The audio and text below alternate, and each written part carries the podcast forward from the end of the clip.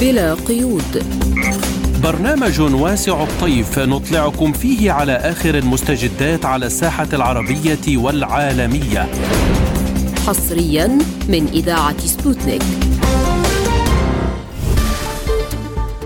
تحية لكم مستمعي سبوتنيك في كل مكان وأهلا بكم إلى هذه الحلقة الجديدة من برنامج بلا قيود.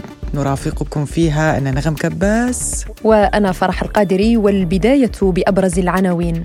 ما فرص نجاح المبادرة الإفريقية للسلام بين كييف وموسكو؟ توقيع اتفاقيات بأكثر من 46 مليار دولار خلال منتدى بطرسبرغ في روسيا. قطر والإمارات تعلنان إعادة التمثيل الدبلوماسي بينهما واستئناف عمل سفارتيهما. الاتحاد الأوروبي يعتزم تخصيص 20 مليون يورو لمصر لحل مشكلة اللاجئين السودانيين. لازلتم تستمعون إلى برنامج بلا قيود. ونبدأ التفاصيل بما صرح به ديمتري بيسكوف المتحدث باسم الرئاسة الروسية حول أن الحوار بشأن مبادرة القادة الأفارقة لحل الصراع مع أوكرانيا سيستمر في القمة الروسية الأفريقية وهناك موضوعات قد يتم تنفيذها بشكل جيد.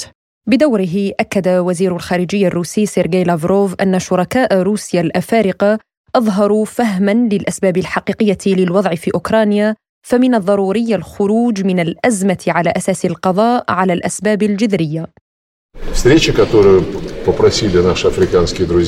أقيم اجتماع بطلب من أصدقائنا الأفارقة جاءت المبادرة من قبل رئيس جمهورية جنوب إفريقيا سيريل رامافوس وكان ضمن وفد من سبع دول أفريقية مثلت مجموعة واسعة من البلدان في القارة المهتمة بالمساعدة في تحقيق تسوية عادلة.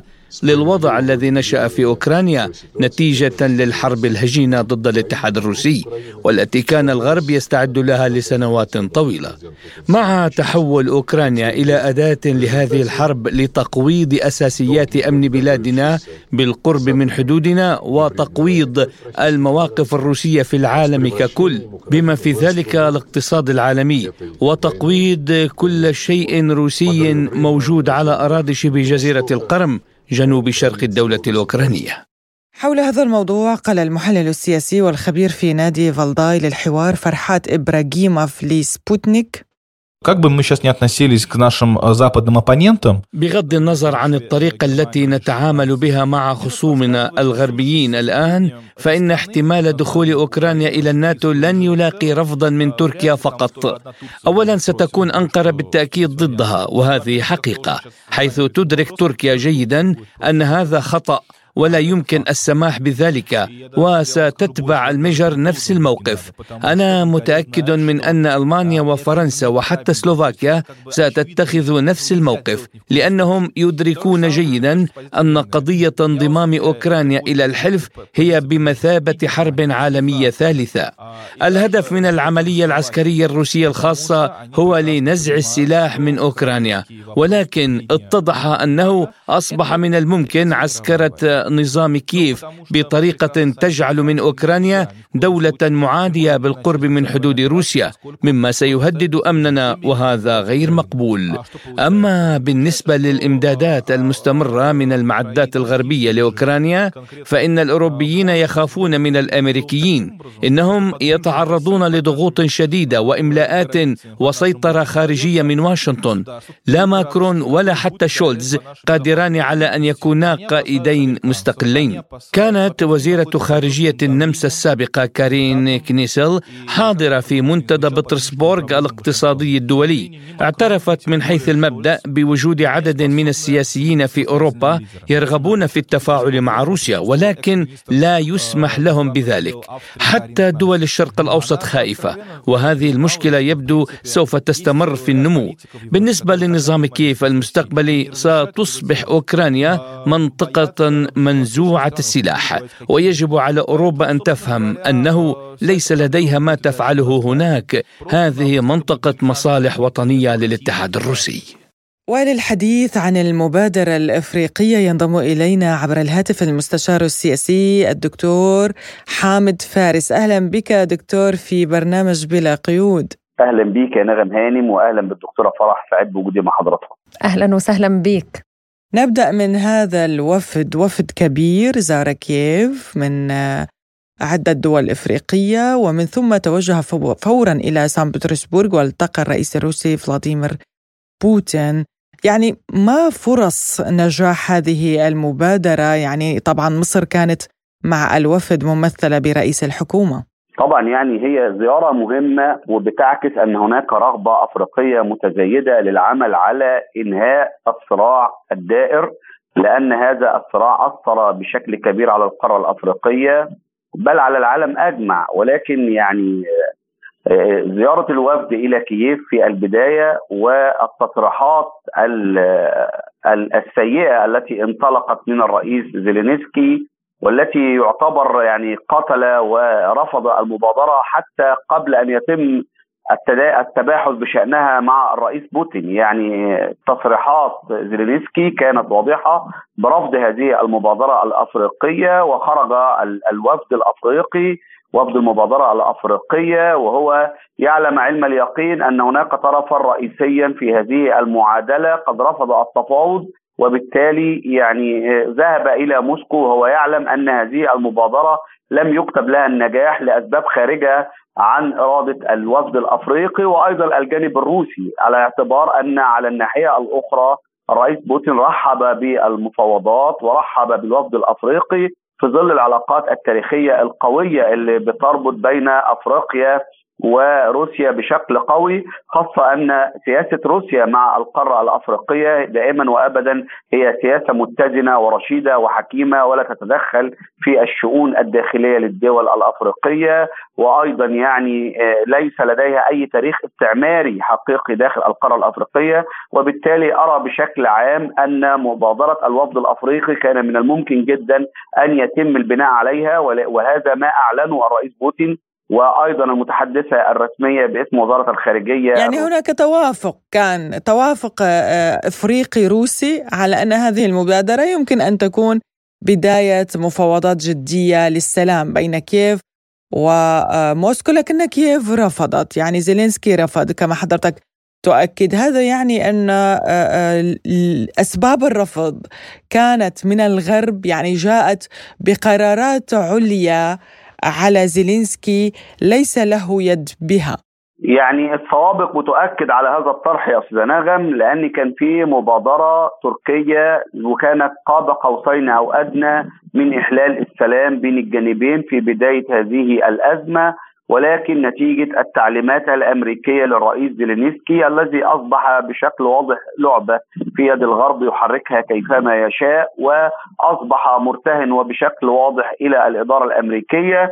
ولكن أرى أن الأمور بشكل عام ليست في صالح أوكرانيا لأن الرئيس آه، زيلينسكي وبهذه السياسة الخاطئة والممنهجة في سبيل تأجيج هذا الصراع بشكل واضح ستؤثر بشكل كبير على وحدة واستقرار أوكرانيا، خاصة أن الجانب الروسي لديه ثوابت في سياساته تجاه هذه العملية أنه لن يقبل بأي شيء أو بأي حال من الأحوال بتهديد الأمن القومي الروسي، وأيضا يعني آه، آه، سيؤدي هذا الرفض إلى زيادة حدة المواجهة بشكل كبير وستنعكس بشكل كبير من أنه من الممكن جدا أن تتسع رقعة الصراع بشكل أكثر في الفترة القادمة خاصة أن كل المبادرات سواء المبادرة الصينية المبادرة التركية والآن المبادرة وهنا الفكرة دكتور يعني كل هذه المبادرات ويتم رفض رفض رفض يعني أي مبادرة هي مرفوضة يعني حتما؟ يعني هي آه، في ظني وتقديري أن الغرب يسعى بشكل كبير إلى استنزاف الدولة الروسية ولكن أرى أن الأمور قد تحولت.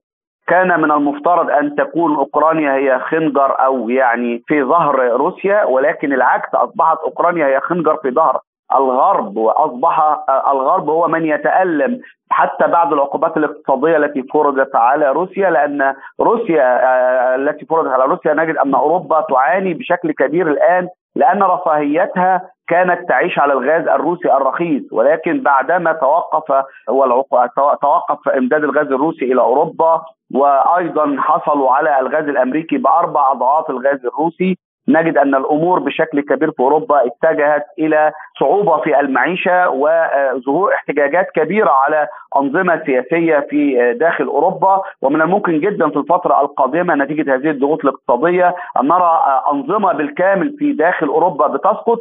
نتيجة العقوبات الغربية التي وقعت على روسيا والتي ارتدت في صدر الغرب وكمان كمان يطلق النار على قدميه. وبالتالي كل المبادرات آه، رفضت بشكل كبير خاصة أن الولايات المتحدة تريد وبشكل كبير جدا أن تؤجج الصراع وأن تستنزف روسيا بشكل كبير داخل أوكرانيا. ولكن أرى أن العملية العسكرية الروسية تشيل تسير بشكل جيد جدا وبشكل ممنهج وناجح. بدليل السيطرة الكبيرة على والإعلان السيطرة على بخموت وعلى مدن الشرق في أوكرانيا نعم دكتور حامد يعني برأيك آه، أو إلى أي مدى تتفق مع هذا الطرح تحول روسيا إلى دول إفريقيا هو أحد النتائج الحاسمة للعملية العسكرية الروسية الخاصة في أوكرانيا بطبيعة الحال. يعني القارة الأفريقية وعلاقة روسيا آه، كما حضرتك أشرت يا دكتورة فرح آه، أصبحت المصلحة متبادلة، يعني ليس هناك مصلحة للقارة الأفريقية فقط أو مصلحة لروسيا فقط. النظام العالمي الجديد والرؤية الروسية المتزنة في وضع عالم متعدد الأقطاب وأن يكون لكل الدول دور مهم جدا يعني العالم جد وضجر من عالم الأحادية القطبية وسيطرة الولايات المتحدة على كل آه، الأنظمة السياسية في العالم وفرض الهيمنة والتدخل في الشؤون الداخلية للدول. وحتى عندما تقوم باستغلال حقوق الإنسان وغيرها من الحجج الواهية لتنفيذ سياستها في الكثير من الدول وإسقاطها. وبالتالي أرى أن الهيمنة الأمريكية قد ضعفت في القارة الأفريقية بشكل كبير. تنامي الدور الروسي الصيني بشكل كبير جدا سواء في المنطقة العربية أو القارة الأفريقية آه، آه، آه، منذ عام 2019 وعندما عقدت أول أول قمة روسية أفريقية في مدينة سوتشي بحضور أكثر من 54 رئيس دولة عندما كانت مصر في رئاسة الاتحاد الأفريقي. أرى أنها كانت لبنة رئيسية لنسج شراكات حقيقية وتعاون استراتيجي بناء بين روسيا من ناحية وكل الدول الأفريقية كانت هناك زيارة هامة جدا لوزير الخارجية الروسي إلى القارة الأفريقية في الفترة القادمة وكان هناك زيارات وزخم حقيقي وزيارات من قادة دول أفريقية إلى روسيا وده بينعكس بشكل كبير في ظل في ظل أننا في العام الشهر القادم سنرى القمة الثانية الروسية الأفريقية في سان بطرسبرغ وده سينعكس بشكل أكبر على زيادة حجم حجم الزخم الكبير في العلاقات الأفريقية الروسية وسيضعف بالتالي القوة الأمريكية المتغطرسة التي سعت للسيطرة وفرض النفوذ وتحقيق مصالحها وبيع السلاح على حساب كل دول العالم وليس فقط القارة الأفريقية. نعم آه، يعني بحديثك عن الدعم العسكري ل آه، يعني من حلف الناتو إلى أوكرانيا، وزارة الخارجية الروسية قالت إن تعاون كييف مع الناتو لا يؤدي إلى تحقيق السلام في أوكرانيا. برأيك هل ستواصل أوكرانيا الاعتماد على حلف الناتو بالنظر إلى أنها أن الحلف ليس مستعد إلى قبول عضويتها بشكل كامل فيه. سؤال مهم جدا يا دكتورة فرح. أرى أن الدعم آه، آه، الغربي على الرغم من أنه ينطلق من أنه لن يتوقف عن دعم أوكرانيا ولكن ستأتي لحظة حاسمه خاصة أن أغلب الأسلحة الغربية التي أرسلها الناتو إلى أوكرانيا قد تم تدميرها بشكل كامل ونرى الدبابات ليوبارد تحولت إلى خردة وليس لها أي قيمة وغيرها سواء منظومة باتروس أو غيرها. يعني لك أن تتخيلي أن الدول الغربية وحلف الناتو قدم إلى أوكرانيا في العام الأول من الحرب أكثر من 150 مليار دولار ولم يقدم أو يؤخر في المعركة العسكرية ونجحت روسيا بشكل كبير في تنفيذ مهامها الخاصة في الشرق الأوكراني ومحاولة وما زال يقدم بالرغم من ذلك دكتور. يعني حتى اليوم الولايات المتحدة صرحت أنها ستز المزيد من المساعدات العسكرية. والرئيس بوتين قال بأنه أي سلاح أمريكي سيكون مستهدف فورا مباشرة من دون أي تردد كما حدث مع اليوبارد 2 ده حضرتك كما يعني إحنا بنتحدث عن إن حجم الموازنة العسكرية الأمريكية في عام 2023 هي أكبر موازنة تاريخية في تاريخ الولايات المتحدة، أكبر موازنة عسكرية تاريخية في تاريخ الولايات المتحدة الأمريكية بتصل لحوالي 856 مليار دولار، آه تم رصد حوالي في الموازنة الجديدة لعام 2023 تم رصد 45 مليار دولار لأوكرانيا وده هيتم ده فقط على المستوى العسكري أو المادي ولكن أرى أن هذه المبالغ ستكون أكثر من ذلك بكثير وذلك سيؤدي وبشكل كبير إلى زيادة الإنفاق العسكري أو زيادة تخصيص جزء من الناتج القومي الإجمالي لهذه الدول لزيادة الإنفاق على النات على الإنتاج العسكري أو الإنفاق العسكري اللي بيصل في بعض الدول 4.5% من الناتج القومي الإجمالي وده سيؤثر بشكل كبير جدا على حياة المواطنين في أوروبا وفي الغرب بشكل عام. يعني إحنا في بريطانيا على سبيل المثال حجم التضخم بالنسبة للسلع الغذائية بيصل ل 18% وبالنسبة للتضخم العام بيصل ل 11% يعني بيتم بيع بيع تماما دكتور يعني تماما هو ال ال الوضع الاقتصادي يسوء في أوروبا وأمريكا. والأسلحة تزداد تدفقاتها نحو كييف. يعني هم لا يتعظون لا يتعظون من ما يحدث. لا يتعظون ويوجهون بدلا من أن يقوموا برفع المعاناة عن شعوبهم بيحاولوا لتأجيج الصراع وده ان دل على شيء يدل على الرعب الحقيقي تجاه الدولة الروسية. روسيا أصبحت قطبا مهما بل لا أنكر أنها من أهم الأقطاب العالمية اللي حققت طفرات كبيرة جدا في علاقاتها مع كل دول العالم سواء مع دول آسيا أو القارة الأفريقية أو حتى هناك دول أوروبية ما زالت متمسكة بشكل كبير بعلاقاتها الجيدة والقوية مع الجانب الجانب الروسي وبالتالي الخاسر الأكبر سيكون هو الاقتصاد الأوروبي بشكل كبير. ستكون هي الأنظمة السياسية في أوروبا بشكل عام. سيؤدي ذلك إلى تاجيج الاحتجاجات كما نشاهد بشكل كبير في فرنسا. في بريطانيا في أسبانيا في البرتغال كلها دول أصبحت تعاني وأصبح آه، أوروبا على المحك خاصة أن هناك انقسام حقيقي حقيقي في المشهد الأوروبي تجاه التعامل مع العقوبات التي فرضت على روسيا لدرجة أن روسيا أصبحت أكثر دولة في العالم وفي التاريخ يفرض عليها كم هذه العقوبات ولكن أن هذه العقوبات كما أشرت لحضرتك بترتد دائما وابدا في وجه الغرب وفي وجه آه، أوروبا التي ستعاني أمر أحد الأدلة دكتور أن سان بطرسبرغ استضافت في المنتدى الاقتصادي الدولي 17 ألف مشارك. يا فندم إحنا بنتحدث يعني إحنا في خطوة حصلت في منطقه الخليج العربي في الفترة السابقة بتدل على تراجع الدور الأمريكي بشكل كبير جدا في ظل قوة اقتصادية كبيرة، يعني الإمارات كان في لقاء مهم جدا بين رئيس بوتين ورئيس دولة الإمارات محمد بن زايد وأدى وبشكل كبير إلى آه، تقوية العلاقات وإن وإن وهذا اللقاء أثمر وأظهر أن هناك بالفعل علاقات قوية جدا بين الجانب ما بين دول الخليج بشكل عام وأيضا الدولة الروسية. على الناحية الأخرى نجد أن الإمارات قد انسحبت من اتفاقية الخاصة بالقوات البحرية لأول مرة ومن الممكن جدا. يعني ده تأكيد على تراجع الدور الأمريكي وضعف الدور الأمريكي في منطقة الشرق الأوسط خاصة بعد التقارب السعودي الإيراني واللي تم بعيد حتى عن الأيادي الأمريكية. وأيضا هذا سيؤدي وبشكل كبير إلى أن تحزو دول أخرى حزو الدول الدولة الخليجية آه، كشقيقه الإمارات. من الممكن جدا أن تقوم السعودية بهذا المنهج خاصة بعد التقارب السعودي الإيراني. وشاهدنا زيارة وزير الخارجيه السعودي إلى آه، إلى طهران وده سيؤدي وبشكل كبير لأن دايما دائما وابدا كانت الولايات المتحدة بتتخذ إيران كفزاعة تجاه العرب لكي يقوموا بشراء السلاح منها. وهذا ما سيؤثر أيضا على الاقتصاد الأمريكي بشكل عام نعم نشكرك المستشار السياسي الدكتور وأستاذ العلاقات الدولية حامد فارس على هذه المداخلة. شكرا يا فندم ليكم شكرا يا فندم. لازلتم تستمعون إلى برنامج بلا قيود. وإلى حصاد فعاليات المنتدى الاقتصادي الدولي الذي استضافته مدينة سانت بطرسبورغ الروسيه من الرابع عشر إلى السابع عشر من يونيو حزيران الجاري بمشاركة 17 ألف ممثل من 130 دولة.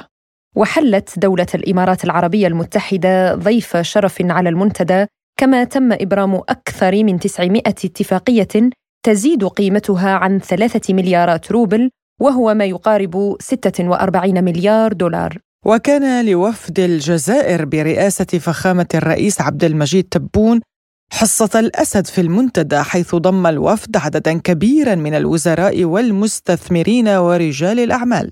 وعلى هامش المنتدى التقت سبوتنيك بوزير الصناعة والصيدلة الجزائري علي عون الذي قال لا هم المشاريع اللي تفضلنا وقمنا بها بالأخص بفضل زيارة السيد الرئيس المجيد تبون إلى كان المشروع الأول هو نتاع صناعة الأدوية صناعة الإنسولين والمشروع الثاني هو صناعة الأدوية اللي متوجهة لعلاج الأورام ما هو السرطان هذا في ميدان صناعة الأدوية. في ميدان في ميدان صناعة الصناعات الأخرى تكلمنا كثير مع الإخوان هنا في بالاخص حددنا خريطة الطريق لتنمية المؤسسات الصغيرة والمتوسطة لأن هذه هذه الاستراتيجية رايح نخلي نسيج صناعي في الجزائر ينتشر وينتشر باش يغطي احتياجات آه، المواطن الجزائري وهذا بالشراكه مع إخوان في روسيا لأن عندهم قدرات بالاخص في صناعة التحويل في الجزائر. بدوره قال وزير الفلاحة والتنمية الريفية الجزائري محمد عبد الحفيظ لسبوتنيك شكرا. نحن لنا أولويات بالنسبة للزراعه وتطوير المنتجات الفلاحية بصفة عامة وبالخصوص الزراعة استراتيجية منها الحبوب كما تعلمين وكذلك المنتجات الزيتية من السوجا ولا التورنسول حبه الشمس وكذلك عدة يعني شعب فلاحيه اللي ممكن يكون فيه يعني ارتفاع بالنسبة للتبادل التجاري في, في على مستوى الفلاحة. ولكن كما تعلمين الفلاحة هي وزارة اللي عندها عدة علاقات مع كل القطاعات الأخرى مثل كالتعليم العالي بالنسبة للبحث العلمي الطاقة بالنسبة للربط الكهربائي على مستوى كل المستثمرات الفلاحية وكذلك عدة أمور أخرى اللي نحن نعتبر أنفسنا كقاط ك يعني فيرتبرال تكامل الاقتصاد الفلاحي في البلاد. إن شاء الله إحنا أخذنا كل الاحتياطات بالنسبة للآن الامن الغذائي الذي يحتوي على يعني آه، هدفين. أول هو يكون يعني تغطيه احتياجات المواطنين أو العائلات الجزائرية بالنسبة بالنسبة لكذا وكذلك يعني تقييم ويعني بالنسبة لل وي هاني لو ستوك دو سيكوريتي كي تون بروسيسيون من جانبه قال وزير التجارة وتنمية الصادرات الجزائرية الطيب زيتوني الشريك الروسي مع روسيا دولة عريقة وعندنا علاقات عريقة معها إلا أنه تبادلاتنا التجارية والاقتصادية والتعامل الاقتصادي والاندماج الاقتصادي بين الدولتين كان ضعيف. يعني آه، الهدف من زيارة السيد رئيس الجمهورية والوفد الوزاري ورجال الأعمال مكننا أننا أولا نحط تقييم ثانيا نمد الفرص اللي موجودة في الجزائر. ما هي الفرص التي تتمكن أو آه، ما هي متاحة في الجزائر لكي تمكن رجال الأعمال الروس أنهم يرفعوا من قيمة الصادرات وقيمة التبادلات التجارية. الفرص عديدة ومتعددة. متعددة جدا سواء كانت في الزراعة في التجارة في المنشآت القاعدية في التحويل التكنولوجي في المناجم في مختلف المجالات. وتعرفوا جيدا أن الفرصة الأكبر هي العنصر البشري العنصر الطبيعي وكذلك موقع الجزائر كبوابة لإفريقيا. وتتمتع مع بالكثير من المزايا اللي تخلي التجارة الروسية والاقتصاد الروسي يندمج في إفريقيا عن طريق الجزائر. وهذه هي الفرص اللي تم تقييمها. أما عن التعاون مع روسيا في مجال الشركات الناشئة والصغيرة قال وزير الاقتصاد المعرفي ياسين المهدي وليد لسبوتنيك حاليا لا يوجد هناك إطار رسمي للتعاون في هذا المجال؟ على الرغم أن هذا القطاع يمكن أن يشكل حقيقة انطلاقة آه، كبيرة في آه، تنويع آه، طبيعة التعاون بين روسيا والجزائر التي تربطهما كما تعلمون علاقات وطيدة. الشركات الروسية التكنولوجية بدأت بالاهتمام بالسوق الجزائرية مؤخرا. ونذكر على سبيل المثال شركة ياندكس التي بدأت في بعض النشاطات في الجزائر ولكن آه، تبقى يبقى هذا الاهتمام نوعا ما محتشما وتواجدنا في هذا اللقاء في Saint Petersburg International Economic Forum هو حقيقة آه، إشارة انطلاقة آه، لتكثيف التعاون بين البلدين خاصة في المجال الاقتصادي. وأظن انه المجال الاقتصاد الرقمي والتكنولوجيا قد يشكل حقيقة مجال مهم جدا لتكثيف التعاون التعاون التجاري والاقتصادي بين البلدين. وأيضا على هامش المنتدى التقت سبوتنيك بالسفير الفلسطيني لدى روسيا الاتحادية عبد الحفيظ نوفل صحيح طبعا نحن نشارك اليوم في هذا المؤتمر الاقتصادي الهام كما تعلمون. وحسب المؤشرات الإعلامية المؤشرات سيكون مؤتمرا ناجحا. مؤتمر سان بطرسبرغ بالعادة هو نسخة محسنة عن مؤتمر دافوز الاقتصادي وهذا لا أقول من باب المجاملة لكن من باب الحقيقة. نأمل أن تكون مخرجات على قدر التحديات في هذه المرحلة.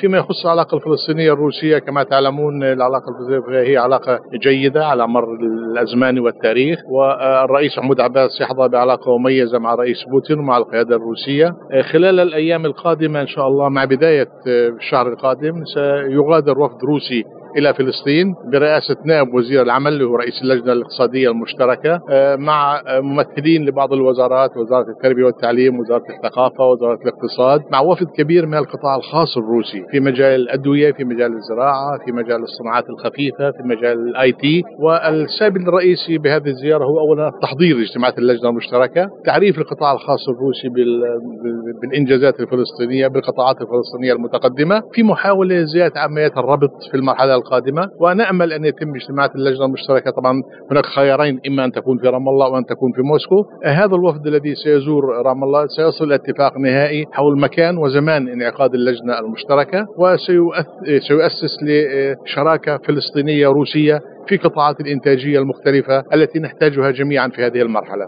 وقال السفير إن فلسطين تتعاون مع روسيا بقطاعين حيويين. يعني لكي أكون أكثر يعني تحديدا في هذا الموضوع نتحدث عن إمكانيات ليست كبيرة. وجه التحديد لأسباب كثيرة طبعا لا داعي لذكرها الآن لها علاقة باسرائيل ومشاكل التصدير ولكن على الأقل في قطاعين أو ثلاث قطاعات هناك آه، تعاون جدي فيها في موضوع التمور والمنتجات الزراعية في موضوع الحجر والرخام ونعمل جادين قريبا على تطوير التعاون في مجال الصناعة الدوائية. لدينا صناعة دوائية فلسطينية متقدمة نصدر منتجات أدوية فلسطينية إلى عدد من الدول الأوروبية كثيرة وبدأنا بتحضيرات كبيرة لتطوير هذا التعاون في هذا المجال. المجال اللي بنعتقد كمان روسيا بحاجة له في هذه المرحلة. ورأى نوفل أن أي نظام عالمي جديد سيكون أفضل للقضية الفلسطينية اولا ابدا لك بالآخر. نحن نثق بروسيا قياده وشعبا ونحن على ثقة ونتحدث بهذا الموضوع بشكل دائم إنه أي نظام عالمي جديد ايا كان هو أفضل مما هو موجود بالنسبة للموضوع الفلسطيني. كما أشرت طبعا هناك تصعيد إسرائيلي متعمد في هذه المرحلة. هناك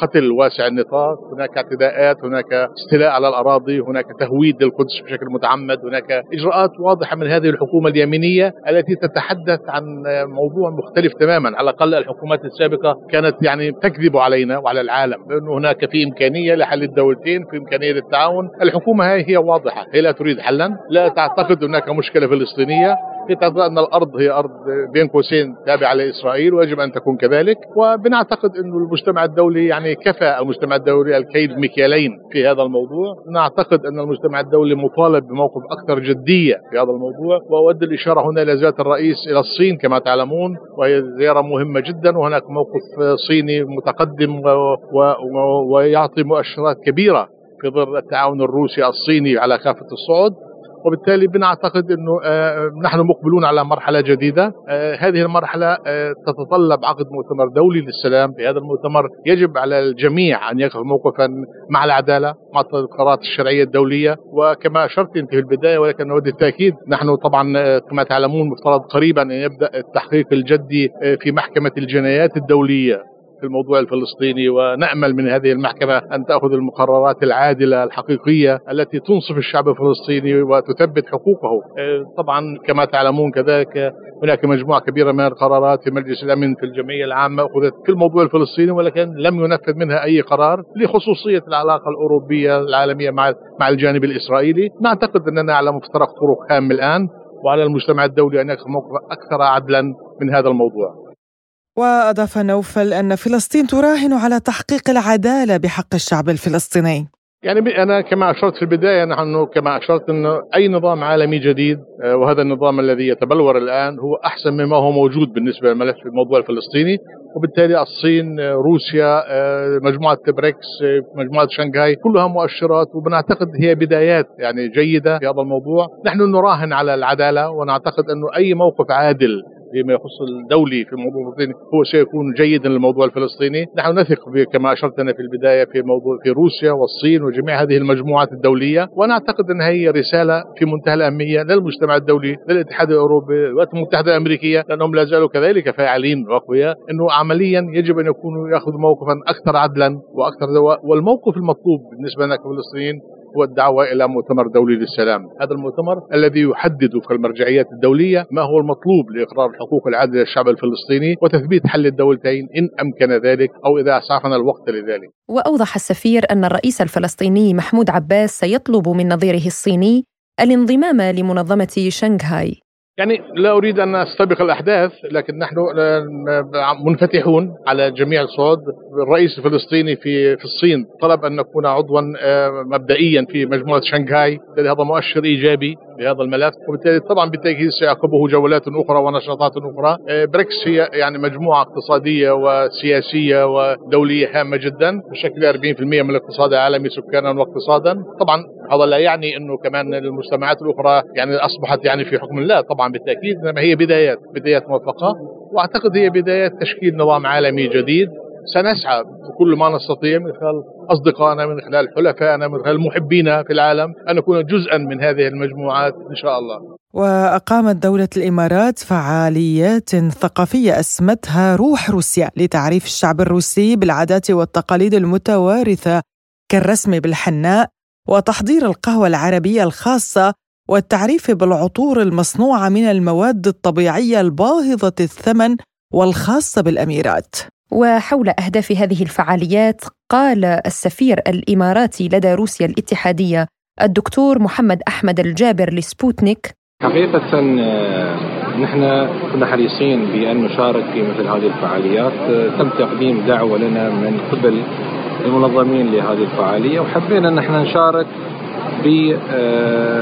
بعاداتنا وثقافتنا وتقاليدنا في دولة الإمارات بالتعاون مع وزارة الثقافة والشباب في دولة الإمارات اللي سعت حقيقة بأن يكون هناك تواجد لفرقة الحربية المزيود والحرفيات من دولة الإمارات ليتعرف المجتمع المدني في روسيا الاتحادية على عاداتنا وثقافتنا عن قرب.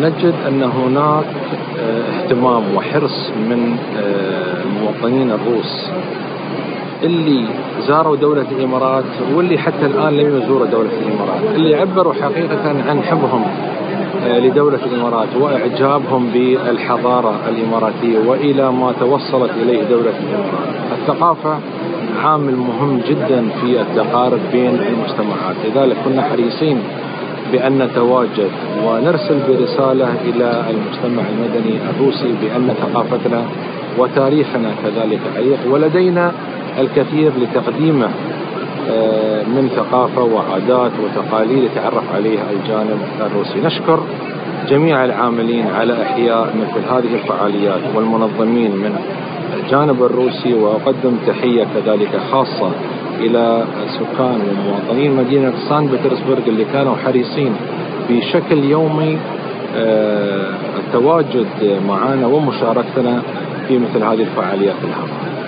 وحول العلاقات الروسية العربية قال إيغور شوفالوف رئيس شركة فيب إرفي الحكومية لسبوتنيك У нас традиционно хорошие отношения. У СССР с арабским миром были очень хорошие отношения. تتمتع روسيا تقليديا بعلاقات جيدة مع العالم العربي.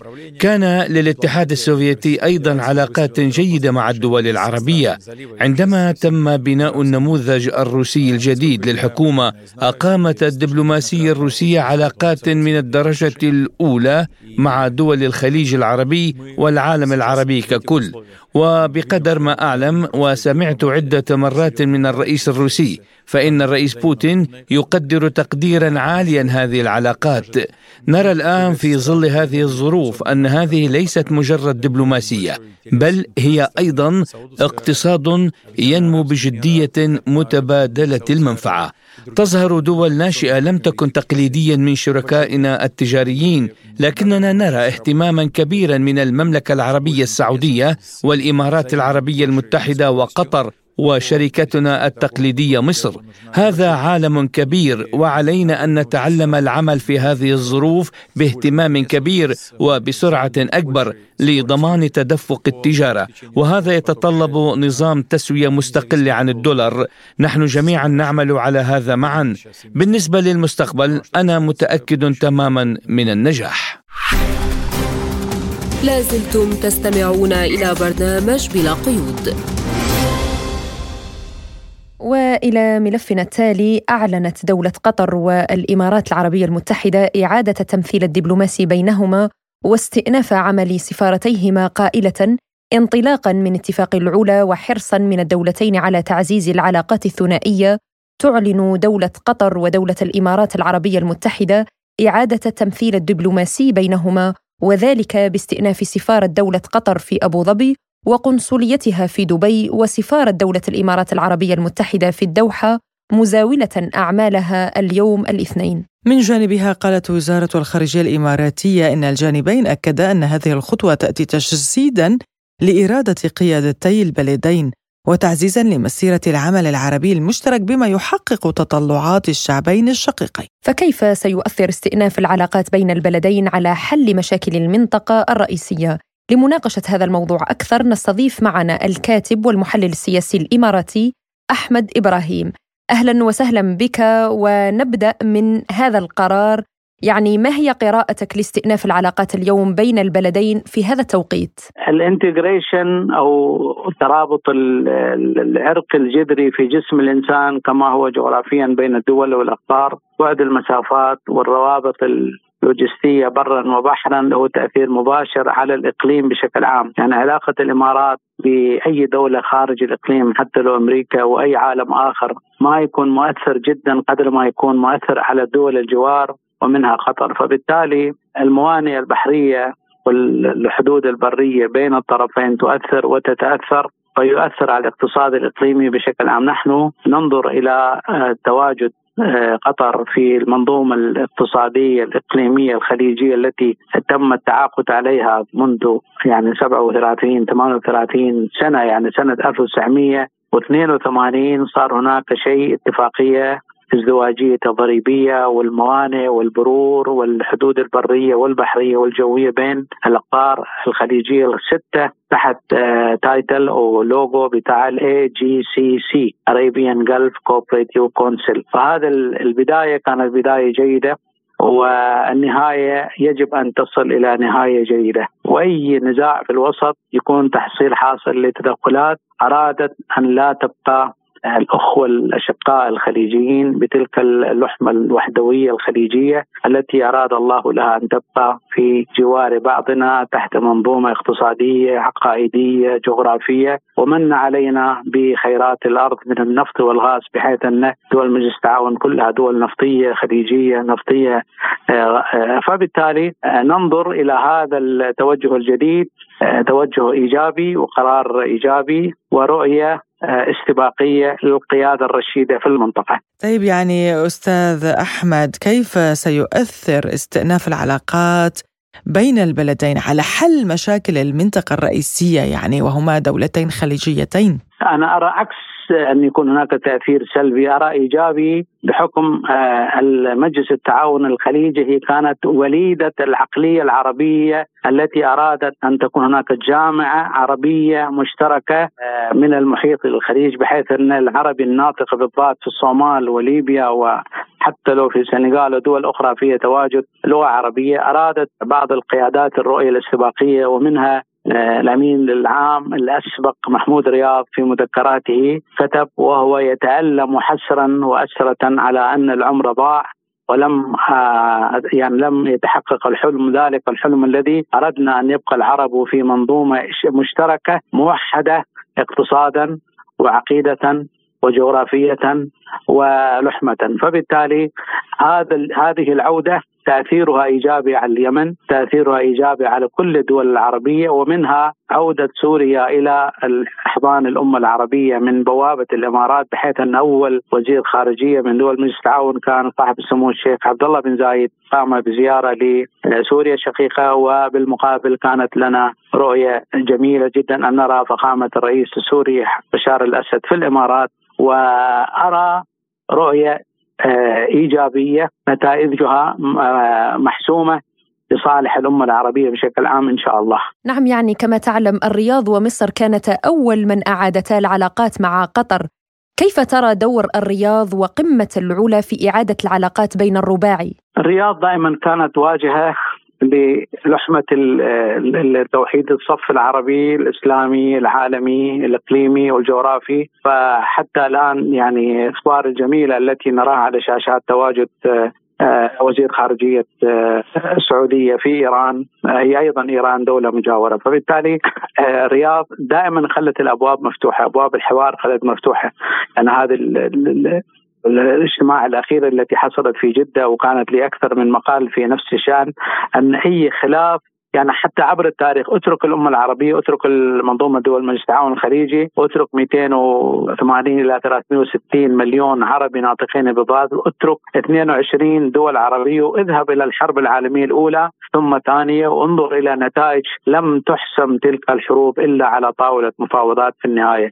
فبالتالي نحن نرى أن الرؤيه الاستباقيه للسعودية وقبلة العرب تبقى القاهرة دائما. نحن يعني الأمة العربية يجب أن تحافظ على وحدتها الإقليمية من خلال العقائد التي تنمي في داخلنا المنظومة العربية الإقليمية بكوننا عرب. يعني هي القومية العربية ليست مزروعة ولا هي عبارة عن تعصب وإنما القومية العربية هي أرادت السماء أن تبقى على كوكب الأرض. ما ما يزيد على 400 مليون إنسان ينطقون باللغة العربية بالضاد السليم. فبالتالي الرياض واجهة القاهرة واجهة. الواجهتين مواقفهما سباقة كانت آه، أرادت الله أن يعني كانت إرادة سماء أن تبقى المشاكل لن تزيد وإنما تنتهي بالحل السلمي الذي تأثيره بيكون إيجابي على الإقليم وعلى الأفراد يعني بما أنه اليوم إعادة آه، استئناف العلاقات آه، وافتتاح السفارات هل هذا يعني أن الموضوع يتعلق فقط بالتعاون السياسي أو أن سيمتد طبعا إلى التعاون الاقتصادي؟ سيدتي آه السؤال يعيدنا إلى أول جملة أنا نطقتها اللي هو الترابط الإقليمي الجغرافي لوجستيا، يعني اليوم الموانئ الإماراتية تتأثر وتؤثر على الموانئ القطرية والعكس صحيح، فاقتصاديا الجانب الإيجابي يأتي بحيث أن المقاطعة كانت مؤثرة سلبا، يعني قطر عبارة عن مدخل للإقليم من خلال بوابتين. اللي راح قطر وطلع بسيارته زينا إحنا أبناء المنطقة منذ تاسع من عمري وأنا أسوق سيارة وأمشي في الشوارع. فنحن أول ما نخرج من حدود الإماراتية ندخل ندخل على قطر. وقطر لها واجهات للعالم من خلال السعودية والإمارات. يعني هي ما تقدر برا تتحرك إلا من خلال الأراضي الإماراتية والموانئ الإماراتية وأيضا الأراضي السعودية والبحر, والبحر. فهذا الرجوع إلى الإقليم التأثير الاقتصادي إيجابي. اليوم الواردات والصادرات كلها في العالم ينتهي على قناة السويس. قناة السويس الرؤية الاستباقية لجمال عبد الناصر كان يوما ما أن يكون هناك قناة تؤثر على العالم من خلال مدخل ومجرى. قد يأتي الصين يلغي لك هذه القيود يلغي لك يعمل لك الشارع السلك الحريري يجي لك العقلية الاستباقيه الإلكترونية اللي هو artificial intelligence أو الذكاء الاصطناعي يأتي البضاعة يروح على micro وال micro تصغر في جهاز وتطلع في أفريقيا مكبرة ويطلع في الشارع فبالتالي يمكن ما تحتاج لقناه السويس. السيارات اللي عندك ممكن تلتغي بكرة تجي لك سيارات تطير في الهواء وتتشمع وتأخذ انرجي من الشمس وترجع للأرض وأنت تسوقها وما تحتاج البترول. فبالتالي نحن لازم مهيئون للتعامل الإنسان مع الإنسان بطريقه سلمية وبتعامل إيجابي. فأنا أرى أنها موقف إيجابي ممتاز ورؤية مستقبلية ممتازة برؤية سيادية استباقية من القياده الرشيدة. في سؤال أخير يعني أستاذ أحمد هل يمكن الحديث عن وحدة الدول العربية القادرة على مقاومة النفوذ الغربي في المستقبل؟ رحم الله من قال في مذكراته في السبعينيات محمود رياض كتب في مذكراته بعد ما استقال من الجامعة العربية كأول أمين عام. قال الحلم في أن أن الإنسان العربي يحلم آه، يبقى على الوجه الأرض. كل العرب في واجهة الاستعمار الأجنبي بعملة موحدة وبجواز سفر موحد. أن يكون أنا هويتي عربية أنا جواز سفري عربي وأنا درهمي وديناري عربي. قال المجرد الخيال أو التصور في هذا الاتجاه. اقتنعت بعد ثلاثين سنة من الجهود المضنية أن مجرد التفكير في هذا الاتجاه هو ضياع للوقت. هذا رأيي مش رأيي رأي الأستاذ محمود رياض الأمين الأسبق للجامعة العربية الذي نشر مذكراته في السبعينيات. فبالتالي نحلم أن يحصل ما هو أفضل؟ هذا ما اراه كمواطن إماراتي عادي لا يعبر إلا عن ولائه الوطني نحو العرب وليس بانتماءات عرقية لاتجاه الخليج غير الخليجي، عربي عربي، وهل يبقى العرب أقوياء في وجه الاستعمار العالمي؟ دي أعتقد أجيال تنتهي بمذكرات وكتب ومفكرات ومحاضرات، ولم نرى يوم من الأيام أن نقدر نعيش ونعايش من غير ما يعني نلجأ لجهة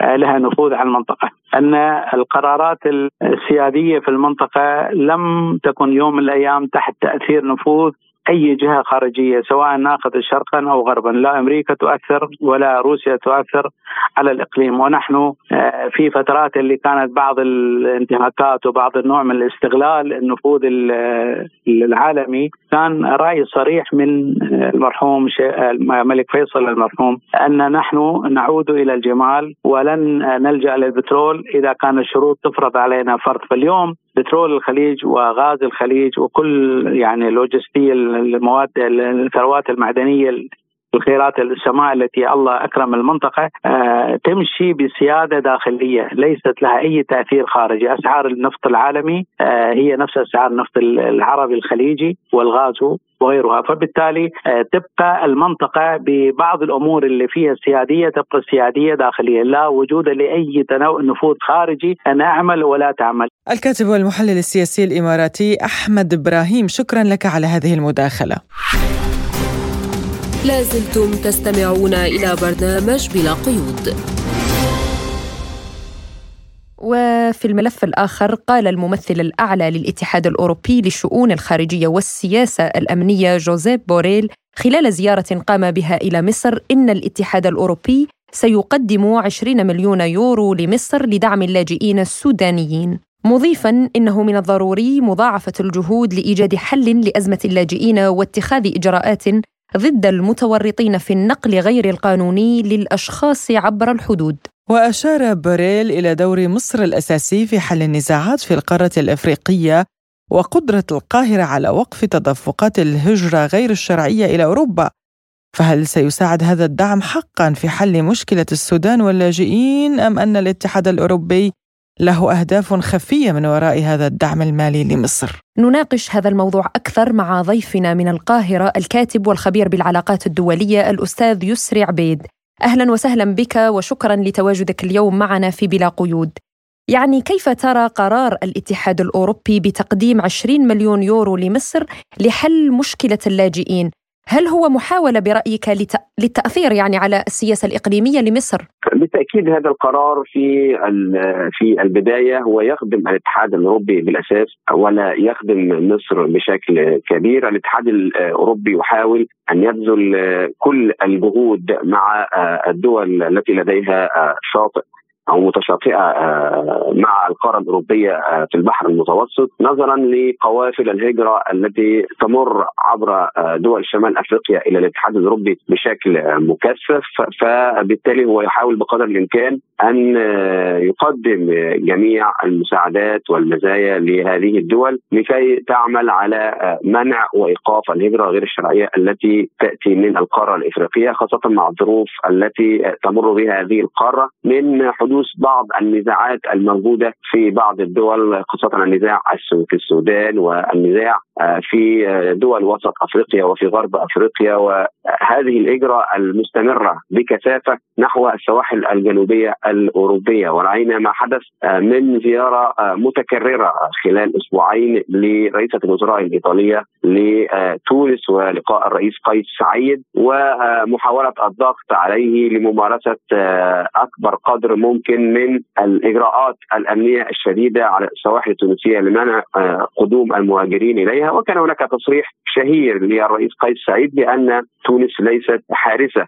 للسواحل الأوروبية. وبالتالي كل إجراء تأخذه وجميع المساعدات التي تقدمها دول الاتحاد الأوروبي لهذه الدول ليس مساعدة وليس منحة منها لهذه الدول. ولكن هي بالأساس تعمل على الحفاظ على الأمن القومي الأوروبي من قوافل المهاجرين غير الشرعية التي تغزو الدول الأوروبية بشكل مستمر. وبالتالي هذا ربما هذا المبلغ وهذه وهذا القرار الذي أقره الاتحاد الأوروبي هو في البداية يحاول أن يقدم مساعدات للجانب المصري لكي تبذل السلطات المصرية جهدا أكبر لمحاولة إيقاف هذه الهجرة خاصة مع حدوث حوادث غرق لقوارب قوافل الهجرة غير الشرعية في البحر المتوسط ووقوع الكثير من الضحايا نتيجة هذه الهجرة. فبالتالي هي سياسة مستمرة. هناك اتفاق مع تركيا بخصوص مسألة اللاجئين الذين يتدفقون إلى الاتحاد الأوروبي. يحاول أن يبرم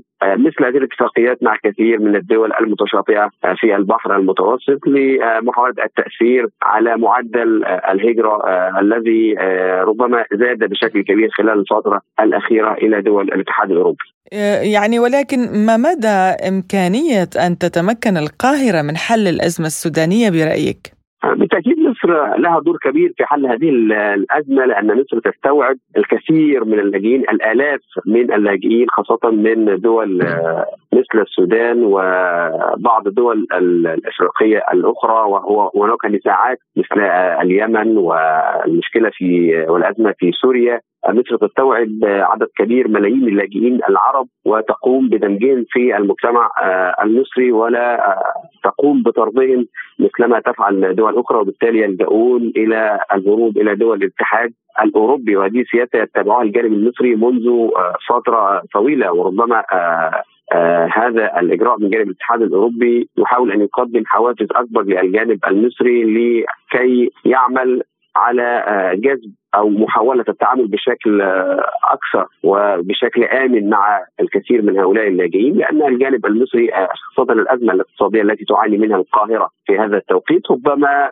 تجبرها على أن تقوم بترحيل الكثير من هؤلاء اللاجئين إلى دول الاتحاد الأوروبي أو عدم استقبالهم من الأساس ولكن كما قالت القيادة في مصر على لسان الرئيس عبد الفتاح السيسي أن مصر تعامل هؤلاء ليسوا كلاجئين ولكنهم تعاملهم كأنهم من أبناء الشعب المصري. وبالتالي إذا رأينا في شوارع القاهرة وشوارع الجيزة وبعض المدن مثل مدن 6 أكتوبر وغيرها من المدن تمتلئ بالاخوه من سوريا والإخوة من السودان والإخوة من اليمن. هناك أحياء كاملة تحتوي هؤلاء وبالتالي هذا بالتأكيد يعمل على ربما على دمج هؤلاء اللاجئين وعلى امتصاص قوافل الهجرة نتيجه النزاعات الموجودة في المحيط في الشرق الأوسط وفي دول شمال أفريقيا وفي جنوب السودان ودول كل هذه الجنسيات. أعتقد أنها تجد ربما معاملة جيدة للغاية من جانب السلطات المصرية وبالتالي الاتحاد الإفريقي الاتحاد الأوروبي يحاول أن يعطي ربما مزايا للجانب المصري بشكل أكبر لكي يستوعب كل هذه الهجرات المتتالية من مناطق النزاعات سواء في جنوب غرب آسيا أو في القارة الإفريقية. والسلطات المصرية أعتقد أن لديها القدرة على منع وتبذل جهود كبيرة لمنع قوافل المهاجرين من هذه الدول إلى دول الاتحاد الأوروبي. ولكن كما قلت الأزمة الاقتصادية تؤثر بشكل كبير وهو ما دعا الاتحاد الأوروبي أن يقدم ربما هذه الملايين من الدولارات للجانب المصري لمحاولة تشجيع السلطات المصرية على استقبال المزيد من هؤلاء المهاجرين وبذل جهود أكبر لمنعهم خاصة أن الوضع في ليبيا لا يسمح بالسيطرة على هذا الأمر تونس كما قلت معترضة بشكل كبير على أن تصبح حارسة لدول الاتحاد الأوروبي ولكن السلطات المصرية كما ذكرت هي لديها تاريخ مشرف وتاريخ جيد مع التعامل مع المهاجرين من جميع الدول سواء دول دول دول الوطن العربي نعم. في آسيا أو دول في أفريقيا. نعم يعني تحدثت عن المزايا، هل برأيك يحاول الاتحاد الأوروبي تقديم تنازلات ومزايا للجانب المصري لمواجهة الهجرة غير الشرعية؟ الدول الأوروبية ليس لديها أي طريق آخر غير تقديم تنازلات مع دول الشمال الإفريقي لكي توقف قوافل الهجرة المستمرة آه، من هذه الدول إلى آه، دول الاتحاد الأوروبي وبالتالي آه، لابد أن تقدم مساعدات بشكل مكثف لدول مثل مصر وليبيا وتونس والجزائر لأن هذه الدول هي التي ربما تحمي الدول الأوروبية من قوافل الهجرة المستمرة. أعتقد أن دولة مثل مصر لو تركت قوافل المهاجرين تغزو الدول الأوروبية أعتقد أن الدول الأوروبية ليست لديها القدرة على أن توقف هذه القوافل وهؤلاء المهاجرين. رأينا كما قلت رئيسة الوزراء الإيطالية تذهب إلى تونس في خلال مرتين خلال أسبوع واحد محاولة التأثير على الرئيس قيس سعيد لاتخاذ إجراءات أشد لمنع قوافل المهاجرين من تونس. وبالتالي إذا كان الجانب الأوروبي آه، يعمل آه، على آه، أن يمنع هؤلاء المهاجرين لابد أن يقدم مزايا اقتصادية كبيرة يعني مثلا الجانب المصري أو الجانب الليبي أو الجانب التونسي بالإضافة إلى أن عليه أن يقدم مزايا من نوع آخر وهي ضخ الكثير من الاستثمارات في الاقتصادات الموجودة في شمال إفريقيا. رأينا كما قلت تركيا لديها اتفاق كبير مع الجانب الأوروبي حول هذه المسألة. هناك حوالي 3 مليارات دولار أو أكثر يحصل عليها الجانب التركي آه، كل عام من دول الاتحاد الأوروبي نظير منع قوافل المهاجرين من المرور عبر أراضيه إلى دول الاتحاد آه، وبالتالي على الجانب الأوروبي أن يقدم مثل هذه الأموال الكثيرة لدول شمال إفريقيا لكي تمنع آه، هؤلاء المهاجرين من العبور المتوسط إلى دول الاتحاد وأن يعامل معهم بشكل كبير لاين الأزمة في أوكرانيا الاتحاد الأوروبي يكيل بمكيالين في هذه الأمر، الاتحاد الأوروبي يرحب باللاجئين الأوكرانيين بشكل كبير ويقوم بدمجهم في المجتمعات الأوروبية. ولكن عندما يأتي هؤلاء المهاجرون من دول مثل شمال أفريقيا أو دول من آسيا يقوم بمنعهم واتخاذ إجراءات أشد ومطالبة الدول في شمال أفريقيا بمنعهم من العبور عبور البحر المتوسط آه، للجانب الأوروبي. وبالتالي الأمور بالتأكيد آه، هناك ناحية. الاتحاد الأوروبي يتعامل آه، ربما بازدواجيه آه، كبيرة ويقوم بتسييس ملف المهاجرين على حسب هوى دول الاتحاد الأوروبي. طيب يعني برأيك آه، أستاذ الكريم هل السلطات المصرية خطة معينة أو إجراءات ربما تتخذها لحل مشكلة اللاجئين؟ بالتأكيد الجانب المصري والسلطات المصرية لديها خطط دائمة للتعامل مع هذا الأمر كما قلت مصر تستضيف آه، الكثير من الإخوة آه، في اليمن والكثير من الإخوة آه، في سوريا لديها جاليات كبيرة من السودان منذ سنوات طويلة وليس آه، منذ الآن أو ليست وليدة النزاعات الموجودة. آه، الآن عندما تتجولين في شوارع القاهرة عندما آه، تدخلين بعض الأحياء الموجودة في ضواحي العاصمة المصرية القاهرة وبعض المدن المحيطة بالعاصمة كلها تمتلئ بهؤلاء اللاجئين وبالتالي هي السلطات المصرية لديها خطط لمحاولة دمجهم في المجتمع المصري من ناحية أو محاولة اتخاذ إجراءات أمنية أكثر صرامة على السواحل الشمالية المصرية لمحاولة منع هؤلاء. ولكن كما قلت على الجانب المصري يجب أن يحصل آه، من الجانب الأوروبي على آه، مزايا واستثمارات آه، كبيرة لكي يقوم بوظيفة الشرطي لدول الاتحاد لمنع هؤلاء من العبور إلى الجانب الأوروبي. ما لم تقدم هذه المزايا ولابد أن تكون مزايا كبيرة. أعتقد أن السلطات المصرية ليست لديها أي التزامات لمنع هؤلاء خاصة المواطنين من دول إفريقيا المليئة بالنزاعات الذين يحاولون كل وقت وكل حين العبور من آه، البحر المتوسط إلى الجانب الأوروبي. ولكن الإخوة العرب بالتأكيد مثل اليمن وسوريا والسودان مصر ترحب بهم بشكل كبير. ولا تقوم بطرد أي من أي منهم. ولكن كما قلت الأوضاع الاقتصادية متأثرة بشكل كبير وبالتأكيد هذا يؤثر أو يلقي أعباء كبيرة على الاقتصاد المصري وبالتالي لابد أن تلعب مصر بهذه الورقة مع الجانب الأوروبي الذي آه، يتعامل كما قلت بالكثير من الازدواجيه مع هذه الملفات ولا بد أن يتم الاتفاق مع الجانب المصري آه، على أن آه، يحصل على الكثير من المزايا والمساعدات والمنح والاستثمارات من جانب دول الاتحاد الأوروبي لكي يعمل على إيقاف قوافل الهجرة المستمرة إلى دول الاتحاد الأوروبي. الكاتب والخبير بالعلاقات الدولية الأستاذ يسري عبيد كنت معنا من القاهرة شكرا لك على هذه المداخلة. وبهذا نصل وإياكم مستمعينا الكرام إلى ختام حلقة اليوم من برنامج بلا قيود كنا معكم أنا فرح القادري وأنا نغم كباس وللمزيد من المتابعة زوروا موقعنا الإلكتروني سبوتنيك dot AE وقناتنا على التليجرام سبوتنيك عربي. وتابعوا أيضا قناة Arab Point بودكاست عبر فيسبوك تويتر بودكاست ويوتيوب. إلى اللقاء.